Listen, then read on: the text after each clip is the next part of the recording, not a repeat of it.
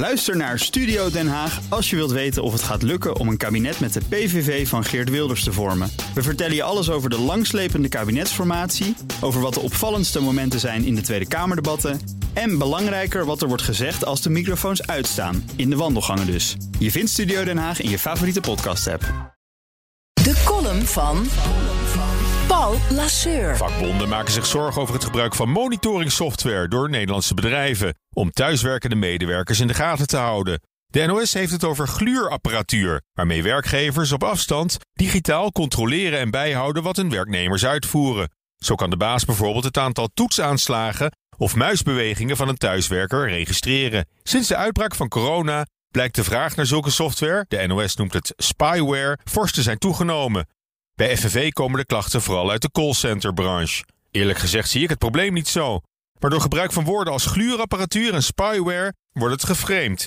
Als fout en stiekem. Pas op, Big Brother is watching you. Terwijl in het tijdperk voor corona, toen iedereen nog gewoon naar kantoor moest komen, werknemers nog veel meer op de vingers werden gekeken. Het management was notabene fysiek op de werkvloer aanwezig. De werkgever hield voortdurend in de gaten wie de kantjes eraf liep of iets te vaak achterover leunde.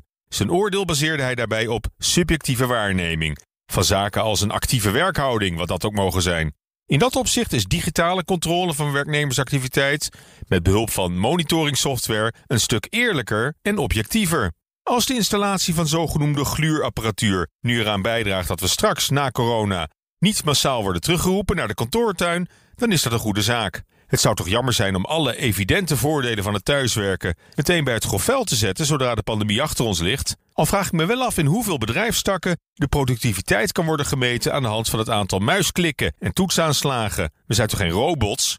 Ook wel een beetje zielig om dat zo precies te willen bijhouden. Maar elke baas krijgt de werknemers die hij of zij verdient. Een beetje vertrouwen in elkaar kan helemaal geen kwaad.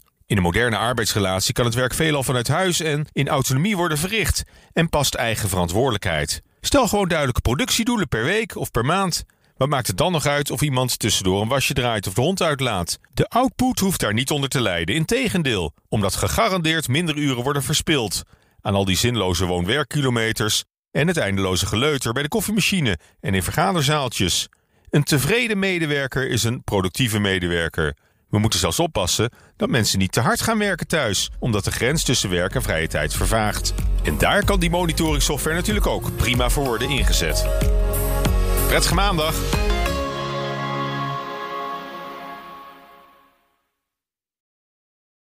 Ook Hugo Reitsma vind je in de BNR-app. Superhandig die BNR-app. Je kunt alle programma's live luisteren, breaking nieuwsmeldingen. Je blijft op de hoogte van het laatste zakelijke nieuws. En je vindt er alle BNR-podcasts, waaronder natuurlijk de belangrijkste, Boeken zijn in de wijk. Download nu de gratis BNR-app en blijf scherp.